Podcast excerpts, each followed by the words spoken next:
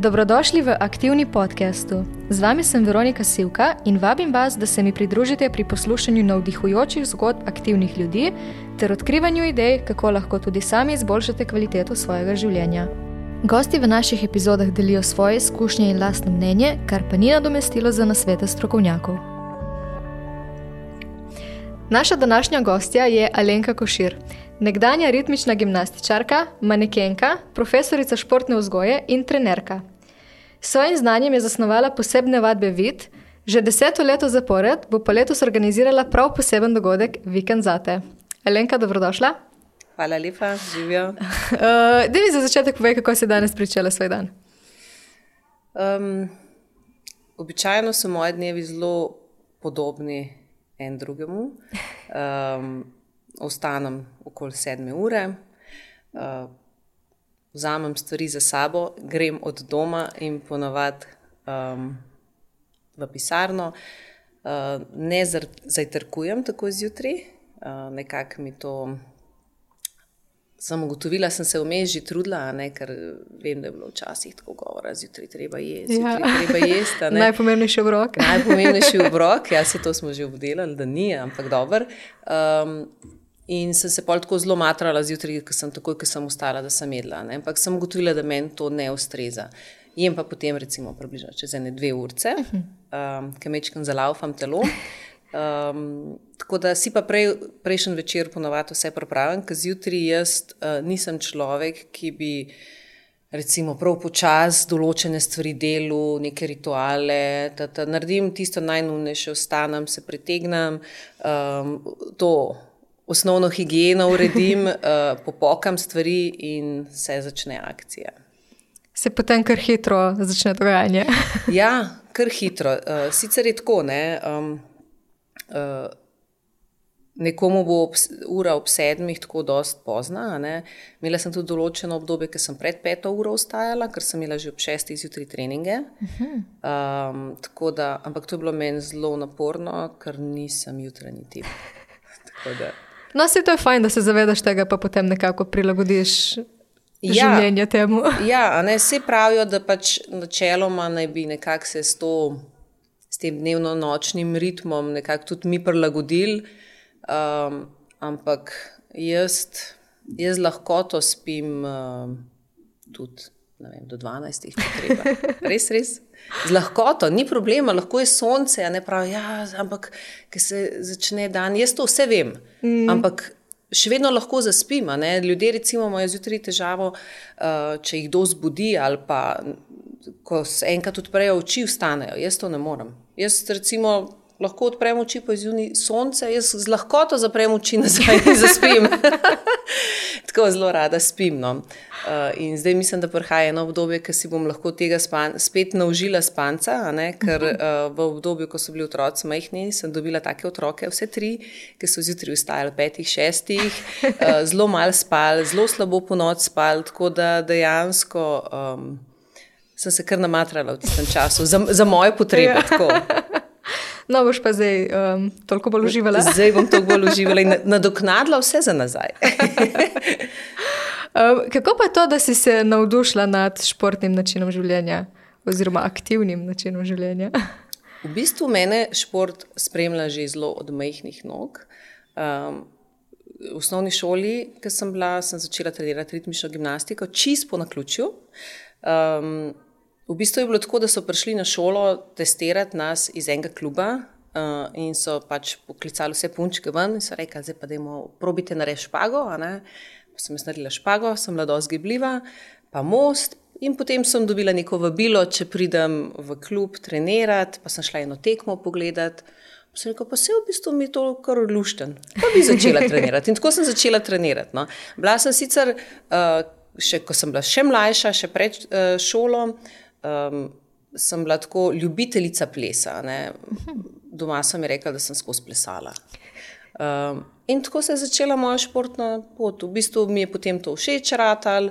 Um, pa je pa tako, ne? če si v nečem dober, ti ponavadi to da zagon, da se s tem nekakšno energijo za naprej, da se s tem ukvarjaš. Ne? In meni je to dobro šlo, in kar naenkrat sem ostala v športu. Da, ja. Ja, je potem tudi športna karijera nekako bila samoumevna na nek način? Um, ja, in ne. Jaz v bistvu vmes sem prišel eno obdobje, um, tam bom rekla v puberteti, ker sem rekla, da imam pa dosti tega športa, zdaj bi pa iskal drugega, pa sem imela vse možne, a ne tiste ideje v glavi, kaj vse bom od. Um, obdobje, ko sem hodila biti policajka, pa bolj pilotka, ne takrat, ko je bil to bogan film. Uh, po mojem, smo vsi hoteli biti piloti, um, pa kaj sem pol še hotela biti. Pa učiteljica, pa pol sem hotela biti uh, businesswoman, poslovna ženska. Pol, vem, v bistvu ni bilo čisto, da bi rekla, cel življenje sem si to želela in potem sem to uresničila. Ne. Ampak na koncu je bilo tako, da sem končala spet pri športu. Kaj pa, če bi recimo mogla izbirati eno kariero, ki ni športno barvna, kaj bi izbrala? Bila. Oh. ne vem, to mi je bilo vedno tako nekaj posebnega, všeč mi je bilo karkoli. A je zdaj to uh, kot umetnik, kot plesalec, ali kot nek slikar, ali kot pev, pevka bi bila tudi, mm -hmm. sam, ki ne znam pet. Mogoče pa... bi se naučila. Mogoče. Um, kaj pa je bilo pri postavljanju tvoje kariere, nek največji izziv? Hmm. Največji izziv. Mogoče to, da sem postavila neke meje v smislu, da je zdaj moje delo. Ne. Jaz sem začela to zelo ljubiteljsko. Um, um, dejansko mi je bilo to fajn delati, niti nisem znala postaviti cene. In um, je bilo tako, da sem pol rekla, sem imela kar slabo vest, ker sem postavila ceno. Ne? Nekako sem rekla tisto naj, najnižjo ceno, ki za to dejavnost je, sem postavila. Pa pol sem to držala zelo dolg časa. Um, Pa mislim, da sem potem deset let nisem spremenila cene karte in ker sem jo čez deset let spremenila, ker so vsi imeli že više karte, ker je bila inflacija, vse cene so šle gor, jaz sem imela še vedno tisto ceno. Ne? In ker sem jo spremenila za par evrov, sem imela ful slabo vest. Tako da tle, mogoče to mi je največji izziv, postaviti ceno. Uh, Ki pa moraš jo postaviti. Ne? To sem se pa že naučila, da če je neki zaston, ni dober. Pa tudi, če je fantastično. Ne? To ljudje smo taki. Če tiste stvari, ki so za stonih, jemljemo kot samo, samo sebi umevne in um, ni ok. Ja, jaz sem tudi opazila, da dosti krat, recimo, če kupimo nek spletni program, se ga bomo držali. Hkrati pa ne vem, na YouTube ne bomo nikoli šli sami in poiskali ne, nekaj. Ne, ne. Ja, čeprav tudi tako, no, so, obstajajo tudi specialisti, ki tudi kljub temu, da plačajo, uh, ja. ne pridejo. Ampak ja, načeloma, če nekaj plačaš, um, imaš neko obvezo do tega. No? Ja, je res to. Um, danes ponujaš tudi ene take posebne vid vadbe. A bi nam povedala, na čem temeljijo? Uh, Vid trening je v bistvu, ga zdaj izvajam že 13 let. Trening je bil narejen za me, zato ker sem se pač, um, jaz sem imela pač otroke tako enega za drugim, tri, uh, v tem času sem se ne 100%, ampak 110% posvetila temu, oziroma bom rekla, sebe sem večkrat dala na stranski tera. Ne? In kljub temu da sem bila športnica, da sem bila fizično dobro pripravljena, me je tak način življenja pripeljal do ene take točke, ko sem bila stara, ne vem, 33 let, pa sem se počutila precej več stara.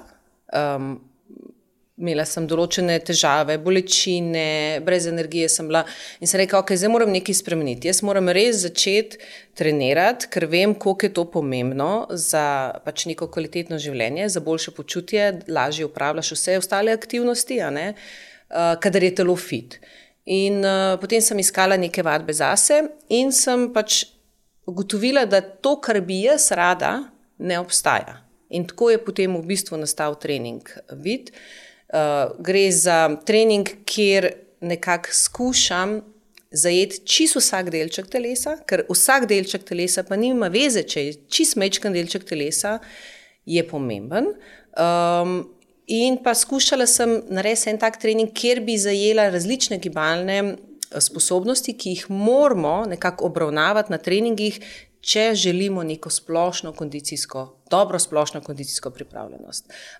Ni samo moč, ni samo gibljivost, ni samo vzdržljivost, uh, še ravnoteže je tukaj, uh, ogromen enih komponent je, ki vpliva na to, kako da lahko rečemo, da smo mi dobro kondicijsko pripravljeni. In uh, takih treningov je zelo malo. Imamo specia, specialne treninge za vzdržljivost, ne razne teke, imamo treninge samo za moč, zelo malo pa treningov, ki pa potem to povežejo v celoto, uh, pa naredijo še kaj za ravnoteže, pa naredijo še kaj za tiste pozabljene dele telesa, ne, katerim ne namenjamo toliko pozornosti. Kako pa sploh uspe v eno uro vadbe, oziroma koliko časa traja zajeti vse te vaje? Uh, dejansko ne, ne gre za to, da gre za neko večje število um, vaj, ampak so vaje tako sestavljene, da mogoče vključujejo različne, se pravi, več delov telesa. Ne? Da mi vključimo recimo celo verigo. Um, mišično verigo, se pravi, ne, ne lociramo se na eno mišico, pri določenih vadbah se recimo lociramo samo na eno, na, samo na biceps ali pa samo na gluteus ali pa samo na kvadriceps. Se pravi, tukaj gre pa bolj neke take kompleksne uh, vaje, kjer vključimo večje, večje število mišic in uh, na ta način ne samo, da jih krepimo istočasno, ampak tudi nekako to mišično koordinacijo ustvarjamo. Ker zelo pomembno je tudi to, da znajo mišice med sabo komunicirati. Nam nič ne pomaga, če imamo zelo lep, pa močen biceps, če ga ne znamo uporabljati, oziroma če nimamo potem antagonista, se pravi triceps, ki je tudi.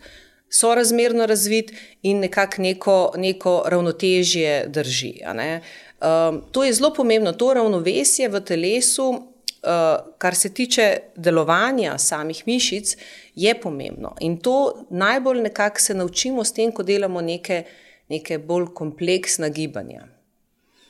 Uh, jaz si predstavljam, da je potem pri taki vadbi kar pomembno, da je tudi izvedba pravilna.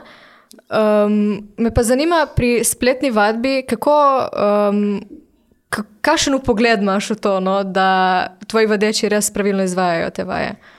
Ja, zdaj, ko, mi, ko sem šla v bistvu uh, na spletno vadbo, ne, v času pač, um, lockdowna, ker ni bilo druge opcije, jaz, če ne bi bilo tega, ne bi šla nikoli na, na splet. Ne, ker sem bila tega mišljenja, da nikoli ne moreš narediti dobrega treninga, da pač moraš človeka videti v živo, da ga lahko popraviš in tako naprej.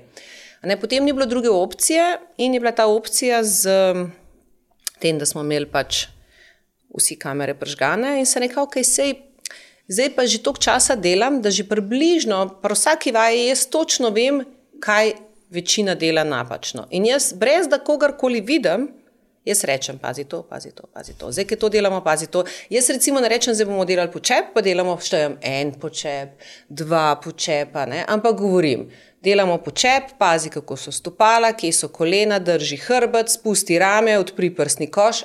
In v bistvu mi delamo počep, jaz pa konstantno naštevam stvari, na katere morajo pač ljudje paziti. In dobila sem ogromen feedback, da so rekli: Oj, Madonna, posnetek je Alenka, ampak ti, kada veš, kaj jaz delam na robe.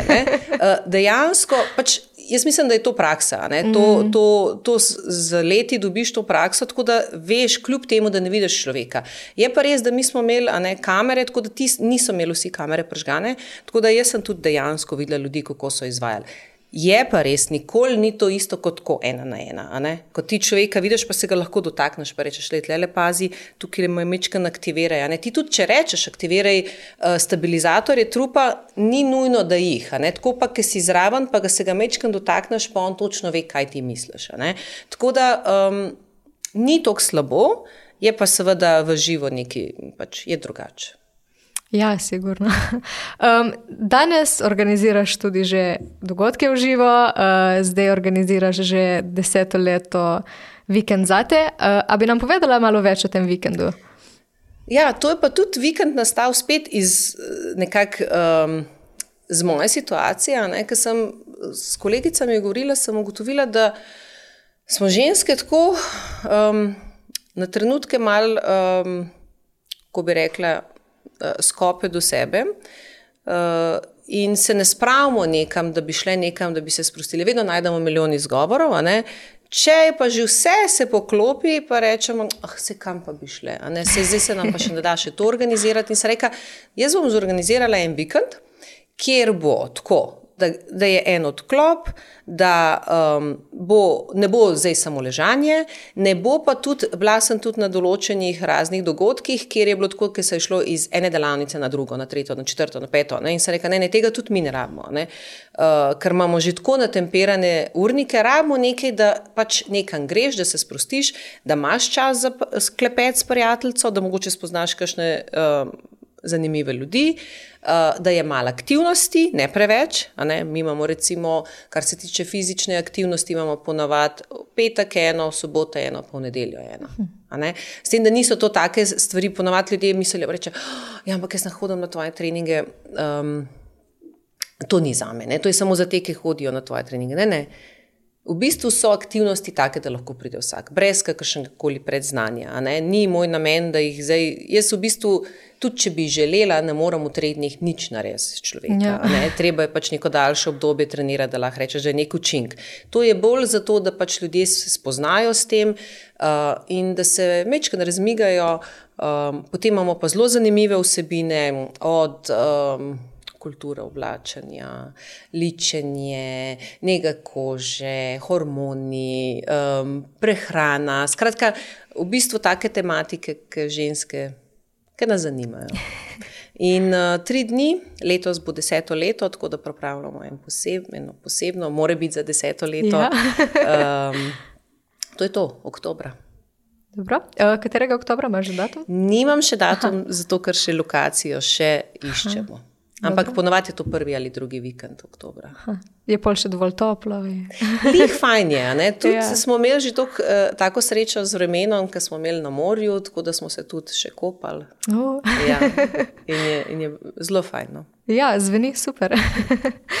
um, na svojih vadbah dajaš, kot si že omenila, veliko poudarka tudi na dele telesa, ki jih mogoče malo zanemarjamo ali pa pozabimo na njih. Um, kako si pa sama odkrila, da so te deli telesa v resnici zelo pomembni?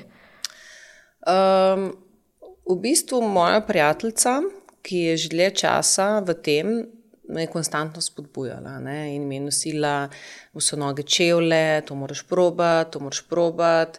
In pa če sem jih probala, pa sem rekla, pa ja, se je v redu, ampak vse moje čevlje so tudi ok, se jaz ne nosim petk, tako velika, ne? večinoma sem v športnih uh, nekih uh, supergah. In pa nisem jim všeč, pa grdi so, ne, ženska itak. Um, ampak ona je tako bila zelo ustrajna in počasi se, se stvari tako poklopile, da sem se jaz pač dejansko večkrat srečala v življenju z ljudmi, ki so bili v tem. In ker sem začela mečkano v tej smeri razmišljati, sem videla, da v bistvu ja, to je pa. Tukaj smo pa mi zašli z, um, z našo kulturo zelo nekam v en tak ekstrem, ne, kar se tiče zdravja stopal uh, in pa obutve, ki jo nosimo. Tako da tako nekako se, vse se je poklopilo in uh, sem se znašla sred tega. Uh, kako pa lahko stopala vplivajo na neko zdravje oziroma kakovo življenja? Uh, v bistvu ogromno. Ne? Če sam pomislimo, da so stopala naš edini stik s podlago, edini.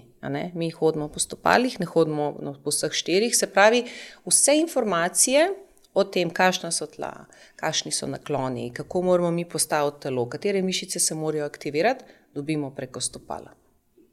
In če mi damo stopala v nekaj zelo oskega, in nekaj zelo strdim podplatom, z debelim podplatom, dobimo zelo slabe informacije o tal.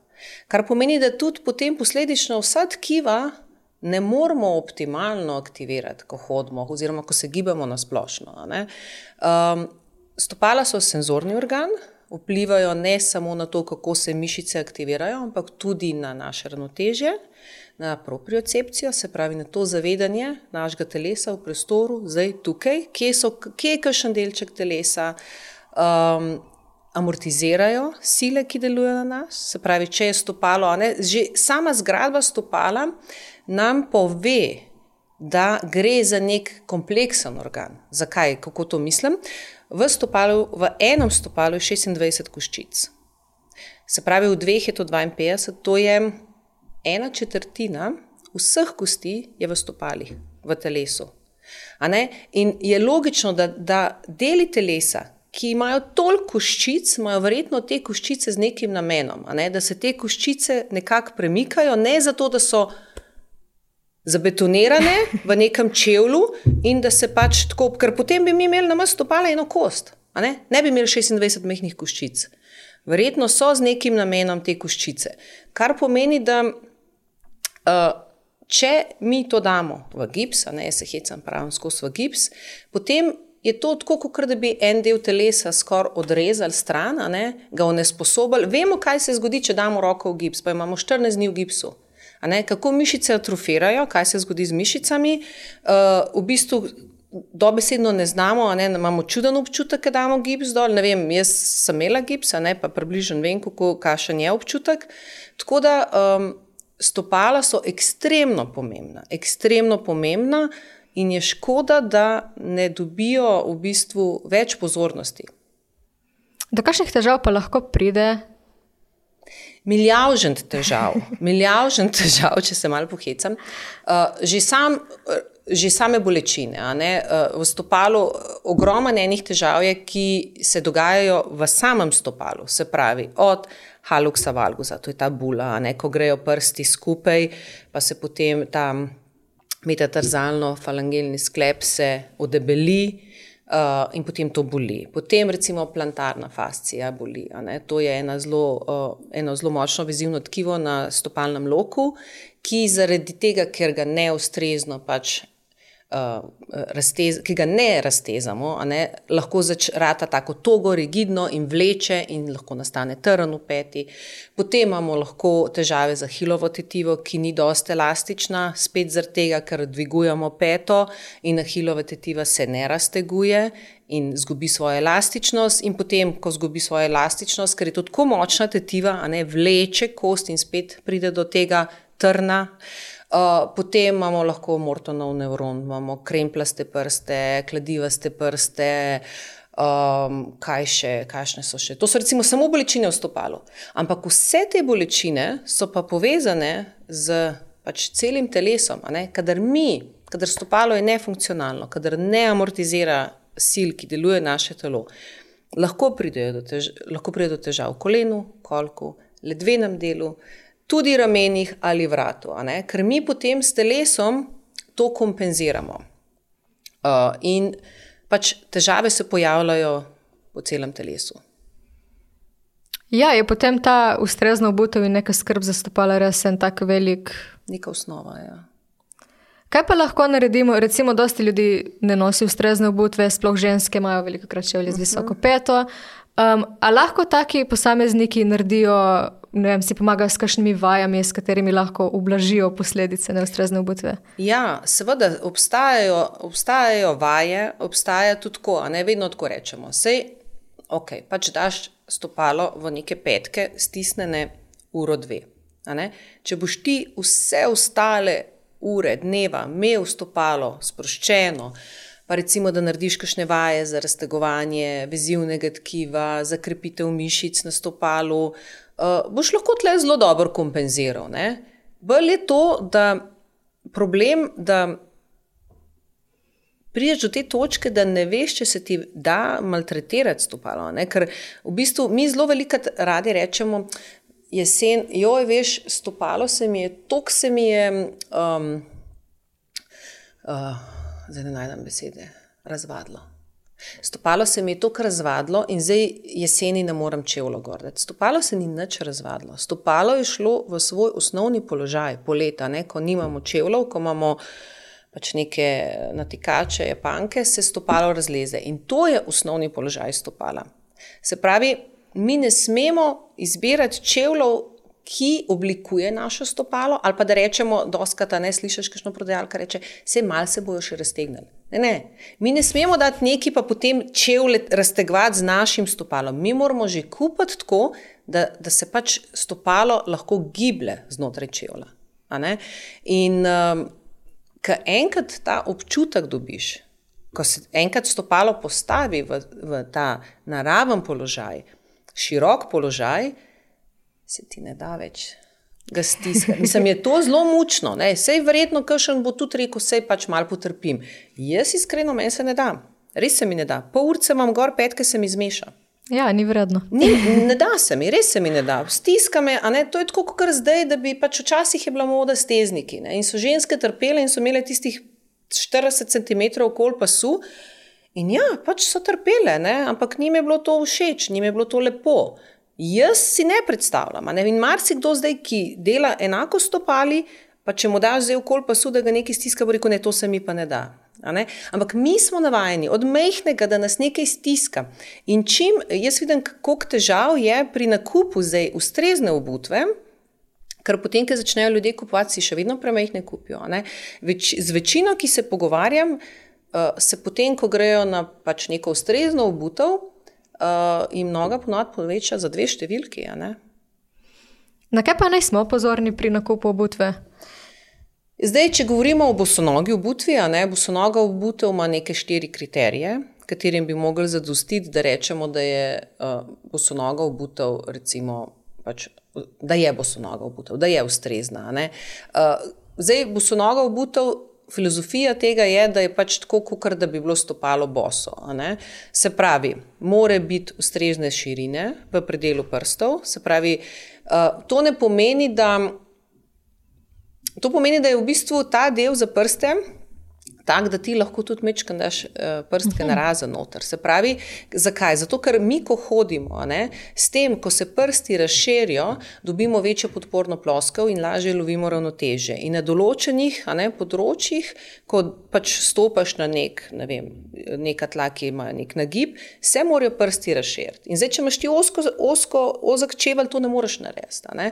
Se pravi, širina je pomembna. Pomembno je, da je podplat raven. Se pravi, niti milimetra dvignen. Zakaj? Zato, ker čim mi dvignemo uh, pete, to kompenziramo z potiskom bokov naprej, potem s hrbtenico. Čeprav se vam to ne zdi, ne, um, je to to.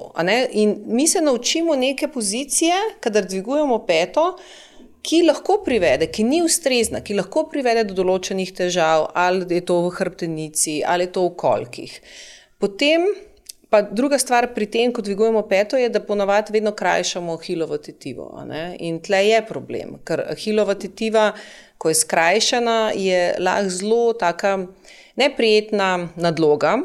Skrajšana hilova tetiva, ker je to tako močna tetiva ne, in lahko povzroča um, neprijetne uh, in občutke, bolečine, težave. Potem Tretji kriterij je, da je fleksibilen podplat, se pravi, da ni trd podplat. To je isti, z, z enakega razloga, kot sem na začetku govorila. Ne, mi imamo te koščice s tem namenom, da se lahko premikajo. Če imamo mi trd podplat, se pač naše stopalo tako le premika. Na prstke in to, to je vse. In četrti kriterij je oblazinjenost, se pravi, tanek podplat, da ni nekega ekstremnega blazinjenja. Uh, ker potem izgubimo občutek za tla. Uh, in uh, to so te štiri kriterije, predvsem pa morajo ljudje paziti, če si bodo kupili. Uh, to je prva stvar, ponovadi si kupijo napačno številko. Tle se ne gleda, kadar se kupuje pač te bosonogo butov, se ne gleda v smislu. Aha, mm, jaz imam 38 številko, aha, zdaj bom 38 kupil. Ne, meni jaz dobim vprašanje, ali so realne številke, ali moram eno večjo ali manjšo kupiti. Ne, ne, tako se sploh ne kupuje, bo so noge obutve, ampak moraš najprej spoznati svoje stopalo, Vsak od nas ima različno stopalo, kaj to pomeni, različno oblikovano, različno postavitev prstov, nekateri imamo visok ali pa nizek nard, uh, potem nekateri imajo bolj šir, široka stopala, nekateri bolj oska. In pač obstaja veliko kriterijev: dolžina stopala, širina stopala, uh, volumen stopala, višina narta. Vse to moraš spoznati, potem moraš pa mečkam pogledati, ker tudi podjetja, ki imajo bosonogo obutev, imajo različne modele. In ne, ne bojo vsi, vsaka bo so noga obutev, ustrezala vsem stopalom. Recimo, ponavadi ženske smo tako, se pravi, te so mi všeč, te bi imeli. Ja. Ampak meni se je že zgodilo, da te, ki so bile meni všeč, niso bile primerne za moje stopalo, zato ker je moje stopalo kar relativno široko. Kar pomeni, da moram pač iskati podjetja, ki delajo čevlje za bolj širša stopala. Uh, Ampak to je kar nekaj dela. Ne? Ljudje ponavadi, če smo navajeni 30, 40, 50 let biti v nekem tem, da pač ja, 38, malo pa 39, pa grem pa kupam, pa je to to. A ne si mislijo, da je spet tukaj kompliciranje s tem, pa koliko se komplicira. Ne? Ja, vse pa ni, ampak ko pa enkrat to usvojiš, je pa, je pa velika sprememba. No? Ja, se verjetno, če se enkrat posvetiš temu, da spoznaš svoje stopalo, kot si rekla, potem je naslednji nakup toliko lažji. Točno to, ampak to je zelo podobno kot s kožo. Enako se dogaja pri koži. Imamo zelo različne type kož, naše kože se zelo različno odzivajo. In ni tako, da pač to, kar meni ustreza, kar se kreme tiče, da bo tudi recimo tebe. Mm. Pač to je tako. Ampak za kožo, koža je tle, Ko, za koži se splača se jim malo posvetiti. Ne? Stopala so tako tam dol, pa so skrita v čevljih, pa je to, to pa kaj, kdo se bo zdaj s tem ukvarjal, ni časa. Tako da ja. Um, kako smo pa, recimo, če si nekdo iz kakršnih koli razlogov ne želi omisliti bosonoge obutve, um, na kaj pa naj smo pozorni pri nakupu neke običajne obutve? A sploh lahko najdemo kakšno, ki je ustrezna. Večina običajno obutve je take, da um, ima premehen del, uh, spreden del in pač ob, se oblikuje spreden del za prste nekako tako na noter, ne? ker pač se nam zdi, da je to lepo. Mi smo zelo, um, kako bi temu rekli, Fajn bi bilo, da bi normalizirali obliko stopala. Ne? Ljudje doskrat rečejo, grozen, grdi so te čevlji. Ampak te čevlji so po obliki stopala našega narejena in taka so naša stopala. In pač, ki bomo sprejeli enkrat, da stopalo ni tako, da grejo prsti tako v špičko.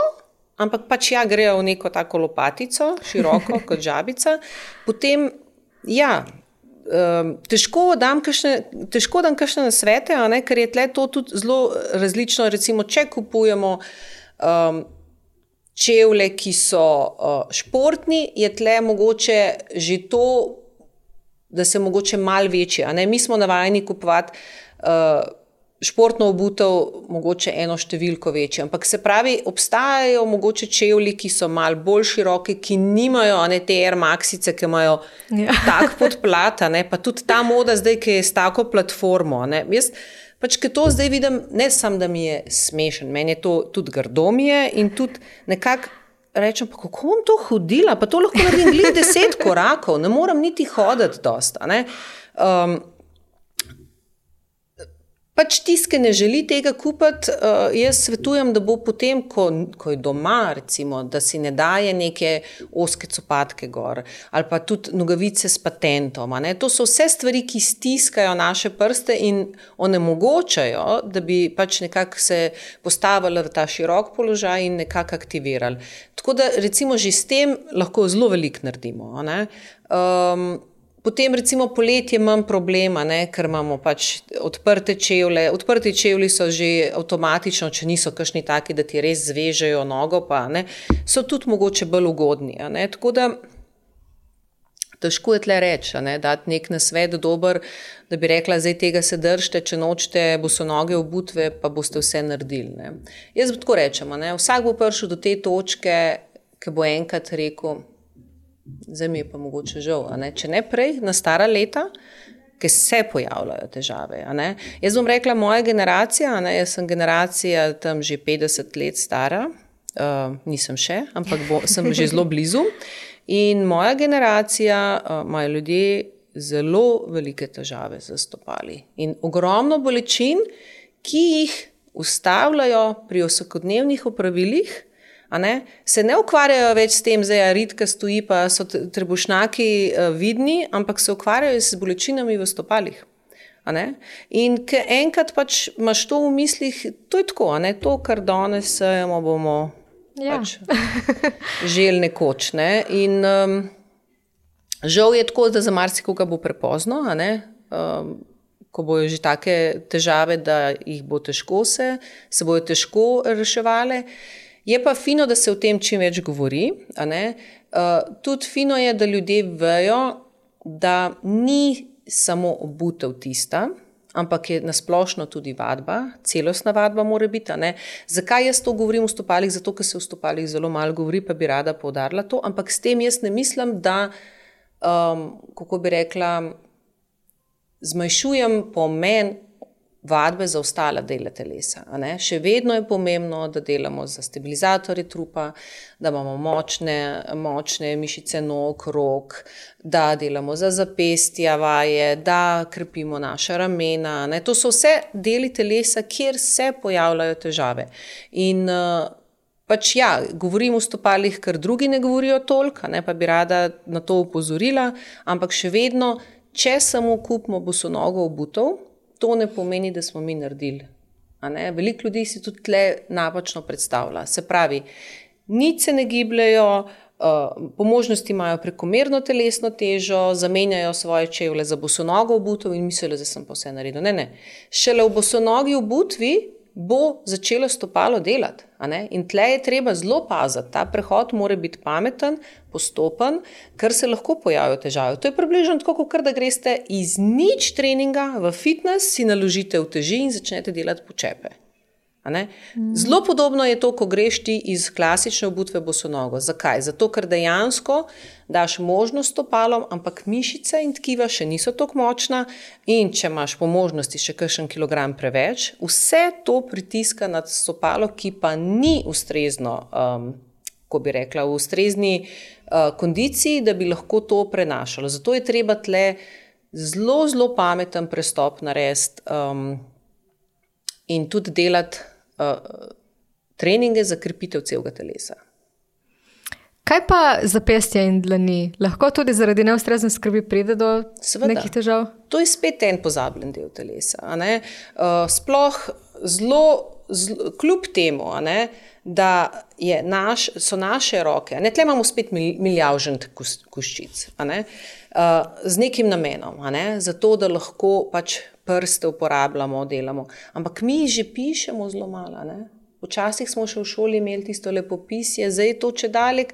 Zelo hitro se otrokom da računalnike in se v bistvu sam še tipka ali pa tako dela, levo, desno. To je to, kar znamo. Ne? Ta fina motorika je pa šla, po moje, vsako leto je slabša. Ne? Je pa zelo pomembno, da vemo, da je. Um, Za fino motoriko imamo mi v možganjih en del, en, en del možganov namenjen sam temu. In od tega je, razvoja tega dela možganov je odvisna celotna motorika telesa, ne samo roka. Ne. Tako da um, se mi zdi, da je pomembno, da se recimo. Da, Da mlajši pišajo, da tudi mi, starejši, mogoče kakšno stvar napišemo na roke, kljub temu, da smo navajeni na računalnik, in pa da, če že, a ne večina nas ima tak poklic, kjer smo, veliko sedimo za, ja. za računalnikom in tipkamo in držimo roko v nekem položaju. Ne? Da se vsaj vmes mogoče.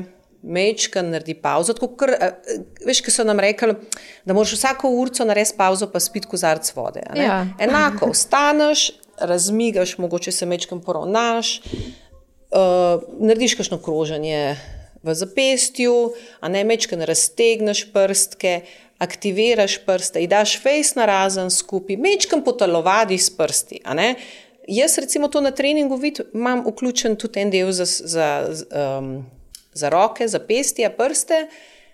Pa se ponovadi tisti, ki prvič pridejo, kar malo smejijo, ne? mogoče malo tako zgleda, ne? kaj je to kar neki, ne? kaj to delaš s prsti, kaj, kaj je to. Ja, ampak to so vaje, ki so, doskrat izgledajo brez veze, ampak niso brezvezne vaje. Tako da jaz svetujem vsakmu, ki je velik za um, računalnikom, da vsem uh, proba narediti kašne vaje v smislu raztegant. Um, Prstke na razen, skupaj, potem da se mečkam z drugo roko pomasiraš, narediš kakšno kroženje v zapestju. Kroženja so zelo, zelo fajn, sploh v tistih sklepih, ki so na nek način krožni sklepi, ne, ki lahko izvajo gibanje v vseh smeri, ne samo ekstenzijo, fleksijo, ampak tudi razna kroženja, rotacije in tako naprej. Kakšne posledice pa lahko opazimo, če mogoče te stvari ne delamo? Ja, to je tako. Um, če pogledamo, kje se pojavljajo težave na stara leta, so to v sklepih. Noben ne bo rekel, boli me stegno ali pa boli me biceps ampak ponovadi nas boli koleno, kolk, hrbtenica, ramena ali pa zapestje. To so v bistvu so sklepi, se pravi, te stiki kosti so res problematični in jih je treba čuvati. Treba je čuvati um, hrustanc v sklepih, se pravi, treba je izvajati pravilne gibe. To so že prej omenili, da je po, pomembno pravilno izvajanje vaje. Se pravi, ker s pravilnim izvajanjem vaje mi minimalno uh, obremenjujemo sklepe. Potem je pomembno, da vezivno tkivo, ki je v sklepih, da ga ohranjamo elastičnega, in pa mišice, da mišice, ki obdajajo sklep, da jih nekako v nekem sorazmerno razvijamo, ker te mišice dajo neko, uh, so, predstavljajo neko varovalo, neko uporo sklepom. Tako da v bistvu so sklepi minimalno obremenjeni. In tudi, tako bom rekla, vadba je zelo pomembna, ampak ekstremna vadba je pa spet ne, nek ekstrem, ki ni ok. Tako kot ni ok, da se ne gibljemo, ni ok, da gremo neke ekstreme, ne? ker telo je vse narejeno do neke mere, ne more, ni, nismo železni, še železo se lahko ja. poškoduje, kje se ne bojo donašati tkiva. Se pravi, pametna gibanja, uh, ustrezno moramo pripraviti tkiva, izvajati gibanja, tista, za katera je naše telo pripravljeno, in pa seveda ohranjati elastičnost tkiv. To je ta stvar, ki jo jaz skozi omenjam. Ohranjati elastičnost, ker nič nam ne pomaga. A, tako, veš, mišica je sestavljena tako. Imamo mišico in potem se mišica z tetivo pripenja na kost. In če mi ne ohranjamo tetive elastične, nam nič ne pomaga, če je una mišica tako močna.